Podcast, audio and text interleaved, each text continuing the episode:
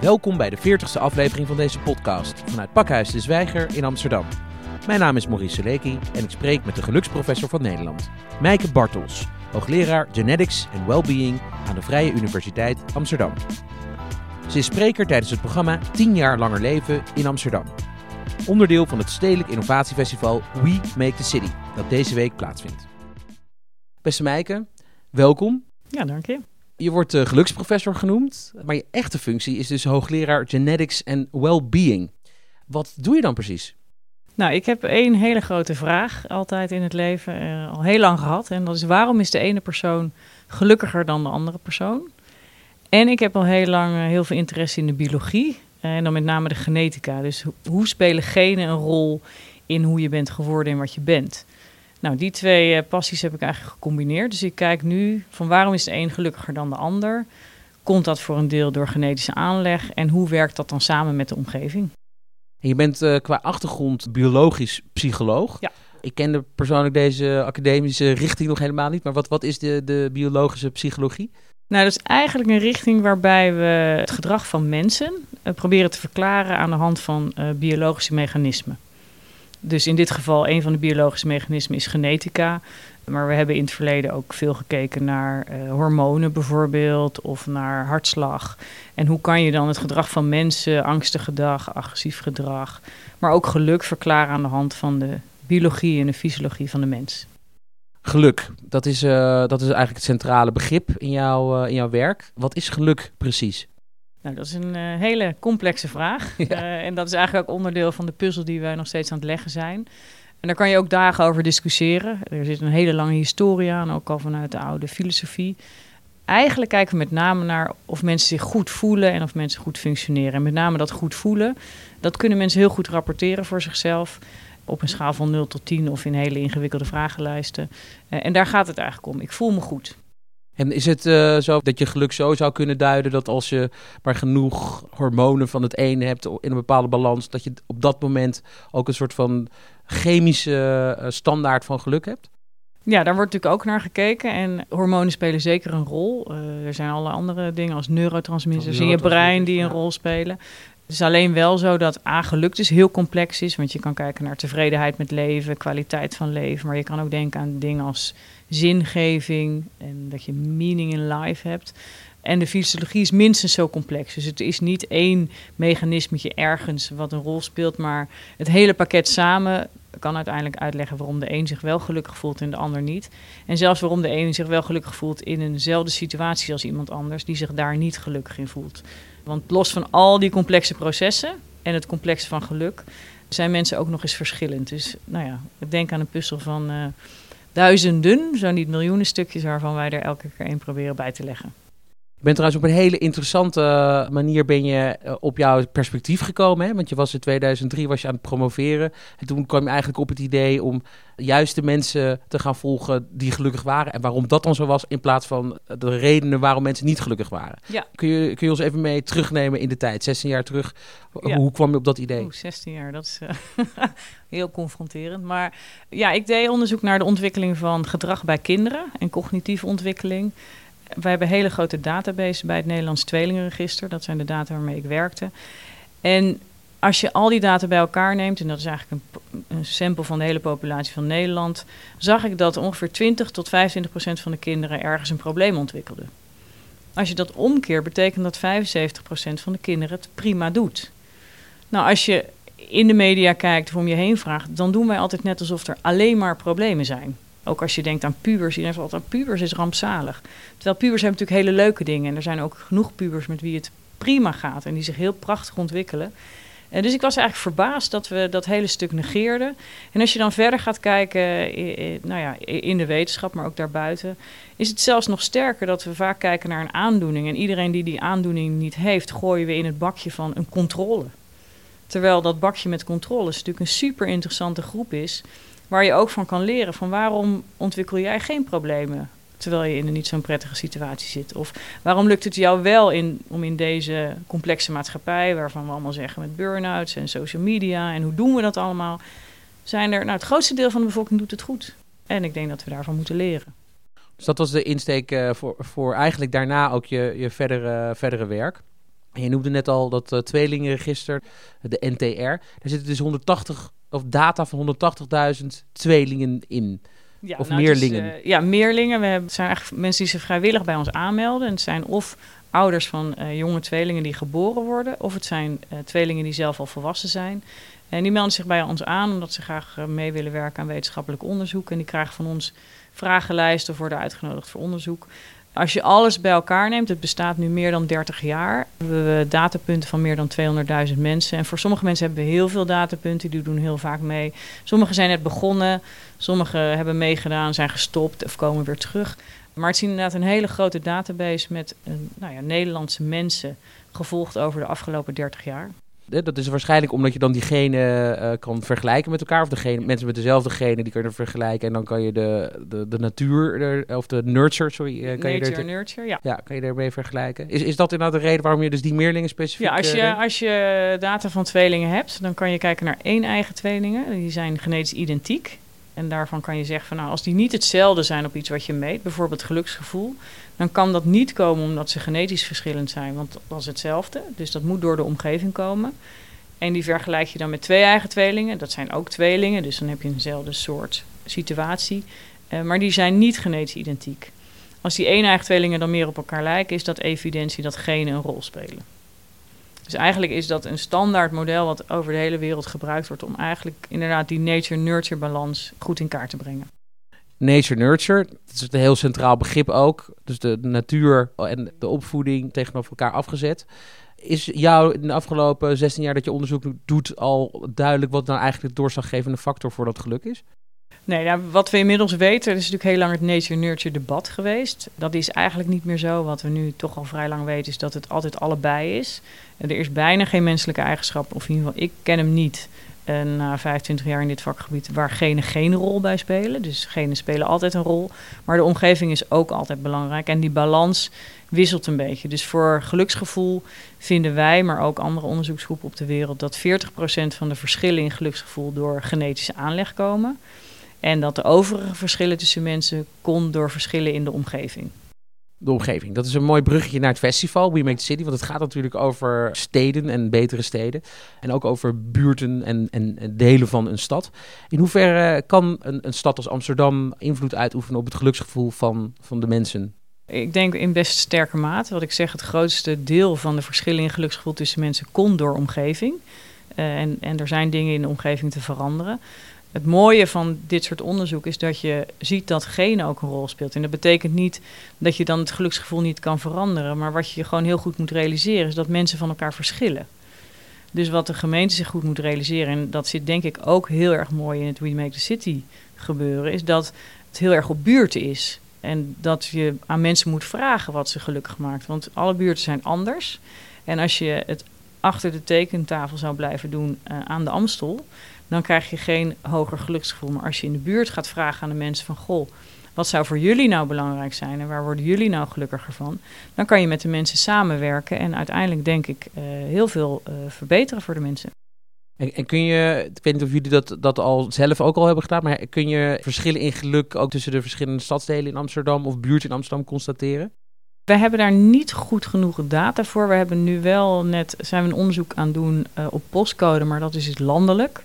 Uh, dus we hebben niet genoeg mensen die in één postcodegebied zitten om de vergelijking netjes genoeg te maken. Het is wel over het algemeen zo dat de buurten uh, die ruimer opgezet zijn, waar meer groen is, het gemiddelde geluksgevoel hoger is. Maar goed, ik hoef daarbij denk ik niet uit te leggen dat dat ook een factor is van sociaal-economische status, die vaak een verschil maakt tussen verschillende buurten. Dus het is nog heel moeilijk vast te stellen van welke factoren zijn het nou, want het komt toch vaak in een cluster. Men zegt ook wel eens dat bijvoorbeeld als kinderen opgroeien in een, in een buurt waarin uh, de meeste mensen het eigenlijk heel goed hebben, maar zij het wat minder hebben, dat ze zich eigenlijk minder gelukkig voelen dan als ze in een buurt opgroeien waar de meeste mensen een beetje ongeveer dezelfde situatie hebben. Klopt dat inderdaad? Dat nou, dat, is, dat is een hele interessante balans waar de onderzoeken niet helemaal eenduidig over zijn, maar ik ken de onderzoeken die, die jij inderdaad noemt. Dat het ook gaat om je relatieve gevoel ten opzichte van anderen. Dat is dan ook precies waarom je met mensen moet praten. Want als je erachter komt dat het een relatief gevoel is, moet je misschien iets anders doen dan als je erachter komt dat een hele wijk minder gelukkig is dan een andere wijk. En Amsterdam, hoe doen wij het eigenlijk? Want er is net een onderzoek verschenen. Dat hebben jullie niet gedaan, maar dat heeft de eh, IOS gedaan. Ik pak het er even bij. Dat is eh, verschenen in het Parool. Parool heeft samengewerkt met uh, het Bureau van de Gemeente Informatie, Onderzoek en Statistiek. En hier staat eigenlijk dat bijvoorbeeld de Amsterdammers in de percentages 7,8 geven aan het zeg maar, algemene tevredenheid slash geluksgevoel een 7,8, bijna een 8. Is dat, is dat een, een hoog cijfer? Ja, dat is uh, hoger dan het landelijk gemiddelde, want dat is ongeveer een 7,4. Met die 7,4 landelijk staat Nederland in de top 5 van de wereld. Uh, dus deze 7,8 uh, is ook onderdeel van de top 5 van de wereld. Dus dat is heel hoog. Wat wel heel belangrijk is, is bij zo'n gemiddelde dat we dan heel snel gaan vergeten dat daar spreiding omheen zit. Dus om tot die 7,8 te komen, zijn er mensen die een 10 aan hun leven geven of een 9. Maar daartegenover moeten er natuurlijk weer mensen zijn die een laag cijfer aan hun leven geven. Dus dat gemiddelde is prachtig. Maar ik zou eigenlijk meer geïnteresseerd zijn om te zien hoe die verspreiding nou is en waar nou mensen zitten die echt een laag cijfer aan hun leven geven. En zeker zoals ik zeg, we moeten leren van de mensen met wie het goed gaat. Waar zitten de mensen die nou een heel hoog cijfer aan hun leven geven? En wat kunnen we eigenlijk leren van de mensen die, uh, die het goed gaat? Want daar heb je eigenlijk natuurlijk onderzoek ja. naar gedaan. Wat, wat zijn er een soort van levenslessen die, die we mee kunnen nemen? Ja, dat is nog uh, niet zo concreet dat ik kan zeggen het is dit of dat. Omdat ook de mensen met wie het goed gaat weer allemaal van elkaar verschillen. Dus het zijn allemaal factoren die redelijk individu-specifiek is. Dat komt ook door die genetische aanleg. Het is wel zo dat er uit meerder onderzoek naar voren komt dat je er in ieder geval voor iemand toe moet doen. Dus sommige mensen zeggen, ja, je moet een sociaal netwerk hebben. Het hoeft helemaal niet heel groot te zijn. Dat hangt er maar net af wat er bij je past. Maar er moet in ieder geval een, iemand zijn die zich af en toe zorgen om je maakt. Die af en toe vraagt hoe het met je gaat. Uh, en dat is los van waar uh, in Nederland of waar in de stad je ook woont. Dat is een belangrijke factor.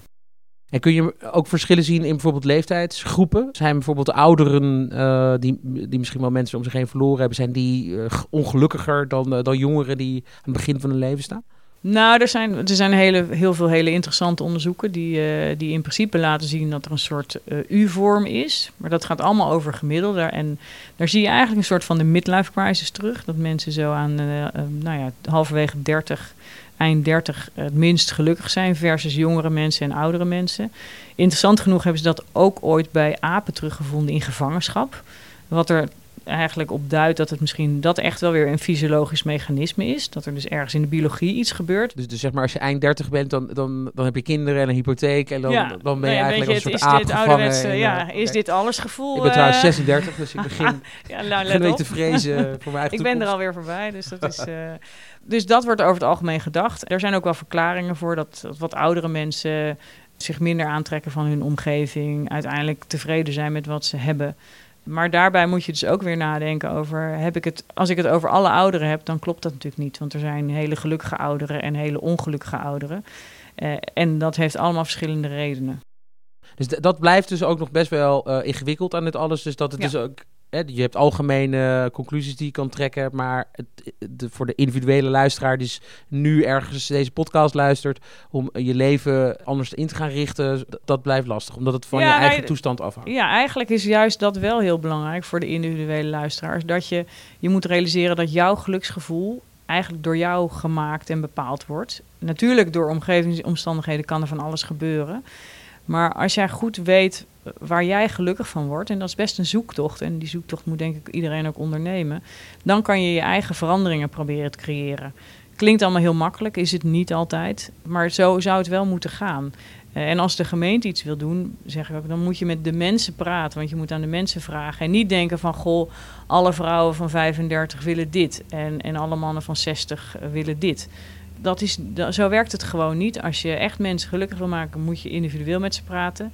Zit je natuurlijk ook weer tegen de barrières van wat is mogelijk. Dus je moet daar wel keuzes in gaan maken. Van nou, goh, welke doelgroep richt ik me op? Maar wat gebeurt er dan in die doelgroep? Ik kan bijvoorbeeld zeggen, ik richt me op ouders van jonge kinderen. Die zijn er in elke wijk, denk ik. Dus dat is een groep waar je op kan richten. Maar ga dan vooral in die wijken met heel veel ouders van jonge kinderen praten. En kijk van, goh, kan ik een gemene deler vinden of zijn er meerdere dingen? En ik denk dat het resultaat is dat je op meerdere dingen moet inzetten en niet op één ding. Er zijn mensen uh, die ook weer zeggen, en dat wordt ook geadviseerd, om voor het slapen gaan bijvoorbeeld stil te staan bij de dingen waar je dankbaar voor bent. En dat dat, als je dat lang, gedurende lange tijd doet, dat dat dan ook effect heeft op je eigen gevoel van well-being. Klopt dat? Nou, er zijn een aantal uh, interventies, zoals we dat noemen. En dat, dit is er eentje van. Dat heet Count Your Blessings. En dat is inderdaad dat je s'avonds aan het eind van de dag gaat kijken wat ging er eigenlijk goed. We zijn heel erg geneigd om te zeggen, nou, dit was vervelend en dat was vervelend. En toen had ik een lekker band en uh, die collega deed vervelend. Maar je kan ook bedenken, wat ging er eigenlijk goed? Waar ben ik trots op? Uh, er zijn ook nog andere, bijvoorbeeld dat je alles omkeert naar het positieve, dus optimistischer bent. Als er iets gebeurt, denken we altijd, oh, dat is mislukt. Nou, je kan ook denken, hmm, dat ging niet zoals ik wilde, maar goh, daar heb ik dit van geleerd, bijvoorbeeld. En je kan ook acts of kindness doen, dat is aardige dingen doen voor andere mensen zonder dat je daar zelf direct wat aan hebt. Dat zijn eigenlijk gebruikelijke interventies in de positieve psychologie. Daarvoor geldt wel dat het een wel werkt voor de ene, niet voor de ander. Dus bijvoorbeeld het Count Your Blessing. Sommige mensen varen daar heel erg wel bij. En die hebben iets van, oh, wauw, dat is een openbaring en ik doe dat. En in de eerste plaats doe je dat dan elke dag, maar dat zwakt misschien wat af. Maar doe dan af en toe. Anderen gaan het proberen en denken, ja nee, dat, dat is nou niks voor mij. Maar die gaan dan bijvoorbeeld weer die acts of kindness doen. Dus aardige dingen voor andere mensen. En denken, hé, hey, daar word ik gelukkig van. Dus het zijn allemaal dingen die je heel eenvoudig kan proberen. En denk ik dat dat voor iedereen aantrekkelijk is om dat te doen. En dan voor jezelf leren van hé, hey, ik, ik moet het eigenlijk zo aanpakken. En dan kan je daar gewoon een combinatie in zoeken. En in, in dit kader, en ook eigenlijk in het verlengde hiervan, zaken als sport en uh, gezond eten en genoeg slaap, dat soort principes, zeg maar, is dat, zou dat ook niet iedereen eigenlijk helpen om zich gelukkiger te voelen? Nou, dat, er is wel een verband tussen geluk en bewegen en slapen en voeding. De vraag is, wat is de kip en het ei? Uh, dus het is natuurlijk een stuk makkelijker om een rondje te gaan hardlopen als je je gelukkig voelt dan als je dat niet voelt.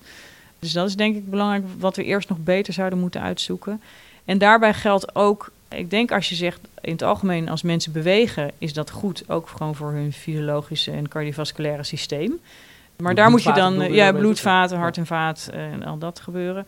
Maar je moet daarbij ook zoeken van wat is goed voor jou. Als mensen gaan zeggen, jij moet per se naar de sportschool, daar word je gelukkig van. Nou, er zijn heel veel mensen die worden daar doodongelukkig van, inclusief ikzelf. Terwijl als mensen zeggen van, goh, ga je mee met een hardloopclubje uh, door, rond het park rennen of wherever. Dan denk ik, oh ja, dat vind ik leuk. Terwijl iemand anders weer denkt, ja dag, ik ga een beetje buiten rennen. Ik ga liever in de sportschool zitten. Dus over het algemeen bewegen en slapen en voeding is goed. Maar niet onder het mom van jij moet elke avond om tien uur in je bed gaan liggen als je eigenlijk een avondmens bent en uh, liever om één uur naar bed gaat. Dus uh, ook daarin moet je je eigen balans zoeken we hebben het al een paar keer over die gemeente gehad. Hè? De, stad Amsterdam is natuurlijk ook heel erg bezig om zijn bevolking uh, in ieder geval gelukkig te houden. Uh, zoveel mogelijk, uh, maar ook in, en, en gelukkiger te maken. Zij hebben ook heel veel invloed door het geld en de macht die, de, die de stad heeft. En, en de keuzes die zij daarin kunnen maken. Wat zou je de, de gemeente nu adviseren van, okay, om die stad in het algemeen zeg maar, gelukkiger te maken? Ik denk dat ze eh, heel veel zouden moeten investeren, uh, zowel financieel als in connecties uh, met mensen uit de wijk zelf. En dat gebeurt ook, maar dat kan volgens mij best nog wel op grotere schaal. Wat ik zei, in het stadhuis aan de Amstel ga je het, het plan voor geluk niet ontwikkelen. daar heb je de mensen voor nodig die in de wijken zitten. En wat heeft Amsterdam daar uiteindelijk aan? Wat, wat hebben we er als samenleving aan dat, dat mensen gelukkig zijn? Ja, nou, er is uh, veel onderzoek geweest naar uh, wat ik dan altijd noem de kracht van geluk. Mensen die gelukkiger zijn, functioneren beter. Dus dat is voor een individu natuurlijk heel aantrekkelijk, maar dat is voor de, voor de maatschappij in zijn algemeen is dat natuurlijk heel erg aantrekkelijk. Als mensen zich goed voelen, functioneren ze beter, zijn ze beter inzetbaar, hebben ze sterkere sociale netwerken. En nou ja, dat zijn allemaal dingen die je voor je, voor je algemene kapitaal eh, van je bevolking nodig hebt om goed te functioneren. Dus het heeft ook bij wijze van spreken economische impact. Ja, het kan een enorme economische impact hebben, ja. En leven ze ook dan langer? Ik bedoel, word je ook ouder of eh, langer, blijf je langer gezond als je gelukkig bent? Ja, wel met de kanttekening van wat is de kip en het ei. Maar in principe, ja, gezonde mensen zijn gelukkiger. Uh, gelukkige mensen zijn gezonder en die leven ook langer. Dus in, in goede gezondheid. Want het is natuurlijk wel belang, belangrijk voor uh, langer leven, dat het in goede gezondheid is. Dus in dat opzicht, ja, dat zie je ook terug als je de wereldkaart neemt en gelukkige landen versus niet gelukkige landen. Een van de centrale thema's uh, in We Make the City is inclusiviteit. For all of us is het motto. Maar dat reflecteert ook op, op de toenemende ongelijkheid in de stad. Zou je kunnen stellen, gechargeerd, dat de, de, de rijkere mensen in, in Amsterdam ook gelukkiger zijn dan de armere mensen? Of juist andersom? Als je naar het gemiddelde kijkt, wel. Ik denk dat gemiddeld gezien gelukkige, of rijkere mensen gelukkiger zijn dan de armere mensen. Het fascinerende is, is dat er in elke groep, dus in de rijkere groep, ook mensen zijn die helemaal niet gelukkig zijn. En in de armere groep ook mensen zijn die juist wel gelukkig zijn. En daarom is het dan zo interessant om binnen die groepen te kijken van nou, sociaal-economisch gezien heb je, zit je in hetzelfde bakje. Hoe kan het dan dat jij je gelukkiger voelt dan de ander? En ik denk dat je daar je antwoorden uit moet halen. Uh, dus op zich is het heel belangrijk om te, te kijken naar uh, het verschil tussen arm en rijk. Uh, maar ik denk dat je met name en, binnen de groepen... Tussen, en ook misschien tussen opleiding en, ja. en, en, etniciteit zou dat ook nog kunnen schelen? En, en dat is natuurlijk het interessante aan het feit dat bij alle menselijke eigenschappen en gevoelens zoals geluk geen een rol spelen, is dat er dus gewoon verschillen tussen mensen zijn. En die moeten we ook respecteren. En, en juist moeten we nou ja, dat juist overal in meenemen. Van oké, okay, we zijn in de basis gewoon verschillend. We zijn niet geboren met hetzelfde pakketje genen. Dus dat moeten we ook niet negeren. En we moeten ook niet willen dat iedereen gelijk wordt. Maar we moeten die verschillen juist meenemen en gebruiken om dingen van elkaar te leren. Die NTR, die, die enorme database, de meerlingen moeten we eigenlijk zeggen. Dat, dat blijft ergens uh, fascinerend. Want je vergelijkt dus die uitkomsten van de levens- en de geluksgevoelens met elkaar. Krijg je daar dan ook echt, laten we zeggen, uh, opmerkelijke uitkomsten uit? Bedoel, is het ook zo dat sommige tweelingen radicaal van elkaar verschillen als het gaat om geluk? Ja, nou, als het om één eigen tweelingen gaat, uh, niet vaak. Die lijken heel vaak op elkaar qua geluksgevoel. En dat komt omdat er een genetische component in zit. Er zijn wel eens tweelingparen die heel erg van elkaar verschillen. We hebben ook ooit een uh, onderzoekje gedaan waarbij we die contact hebben gezocht met die mensen. Van nou, goh, jullie zijn genetisch identiek, maar schelen heel veel in je geluksgevoel. Dat was heel interessant, maar we hebben daar eigenlijk niet hele duidelijke antwoorden op gekregen hoe dat nou zou kunnen. Dan heb je niet zo'n soort scenario als in De Tweeling van Tessa de Lo. Dat nee, dat, uh, er zijn natuurlijk uh, er is wel, uh, zijn wel onderzoeken naar tweelingen die apart opgroeien. Er is natuurlijk ook net die documentaire gelanceerd van die drieling die van elkaar gescheiden is. Daar heb ik ook in een aantal programma's over gesproken. Die elkaar later dat, hebben teruggevonden ja, op 18-jarige leeftijd. Ja. Dat dat natuurlijk allemaal heel onethisch is en dat we absoluut niet meer zo te werk gaan. En er zijn dus ook nog maar heel weinig meerlingen die los van elkaar opgroeien. Uh, maar er zijn wel databases van. Uh, en daar hebben we wel in gezien in het verleden, in onderzoek in Amerika. Wat heel fascinerend is, is dat één eigen tweelingen die samen opgroeien, die zijn genetisch identiek, groeien in één gezin op, lijken heel erg veel op elkaar qua geluksgevoel. Dan heb je twee eigen tweelingen, die groeien ook samen op. Dat zijn eigenlijk net als gewone broers en zussen, delen een deel van hun genetisch materiaal, groeien samen op. Lijken een beetje op elkaar, dan heb je één eigen tweelingen die gesplitst zijn. Dus die zijn genetisch identiek. Twee dezelfde personen groeien heel ver van elkaar op. En die vallen daartussenin. Dus die lijken meer op elkaar dan gewone broers en zussen die samen opgroeien. Uh, en dat is wel een interessante bevinding. Als je zou twijfelen aan genetica van geluk, maar ook van andere dingen. En je kijkt naar één eigen tweelingen die niet zijn, samen zijn opgegroeid. Dan, nou ja, dan val je bijna van je stoel. Uh, want die zijn gewoon in heel veel dingen hetzelfde. Zou de mens alleen trouwens ook gelukkig kunnen zijn? Of heeft de mens ook echt andere mensen nodig voor zijn geluk? Er zullen ook mensen zijn die alleen gelukkig kunnen zijn. Uh, wat ik zei, iedereen heeft wel iets van een soort van support nodig. Uh, maar er zit wel heel veel variatie in. Sommige mensen willen 30 vrienden hebben en die elke dag zien. Terwijl andere mensen hebben één vriend of één partner en zien die af en toe. Maar ik denk wel dat uh, de mens aan zich iets van sociale interactie nodig heeft. Maar dat is niet zodanig op grote schaal goed onderzocht dat ik zeker weet of we niet ook in ons eentje kunnen bestaan.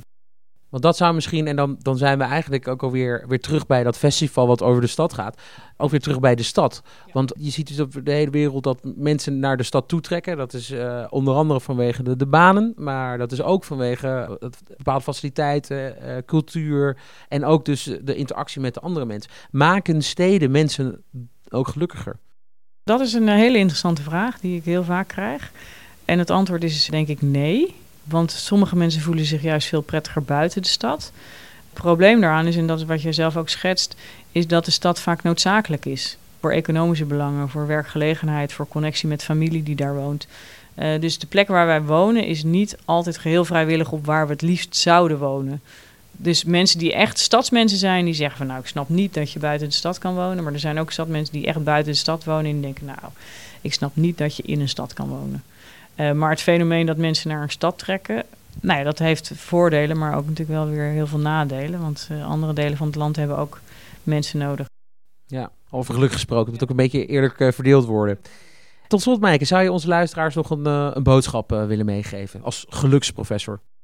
Ja, nou, um, wat ik heel belangrijk vind en uh, wat ik het mooiste vind aan het onderzoek wat ik doe, uh, is dat ik me heel erg ben gaan realiseren dat iedereen verschillend is. En dat een groot deel van die verschillen in je genetische aanleg liggen. Waardoor ik zelf, en ik hoop dat iedereen dat doet, uh, die verschillen veel meer ben gaan respecteren. En ik denk als we dat in de samenleving zouden doen, dat we allemaal nog gelukkiger kunnen worden. Dankjewel, Maaike Bartels. Beste luisteraars, dit was de 40ste aflevering van de podcastserie van Pakhuis de Zwijger.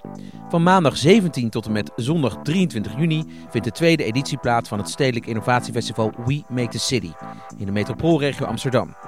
Deze week kun je nog dansen op het dak van Nemo, op fietsexpeditie door de Zaanstreek of met internationale sprekers praten over de sociale agenda's van steden tijdens de Metropolitan Conference Up Close and Livable op vrijdag 21 juni.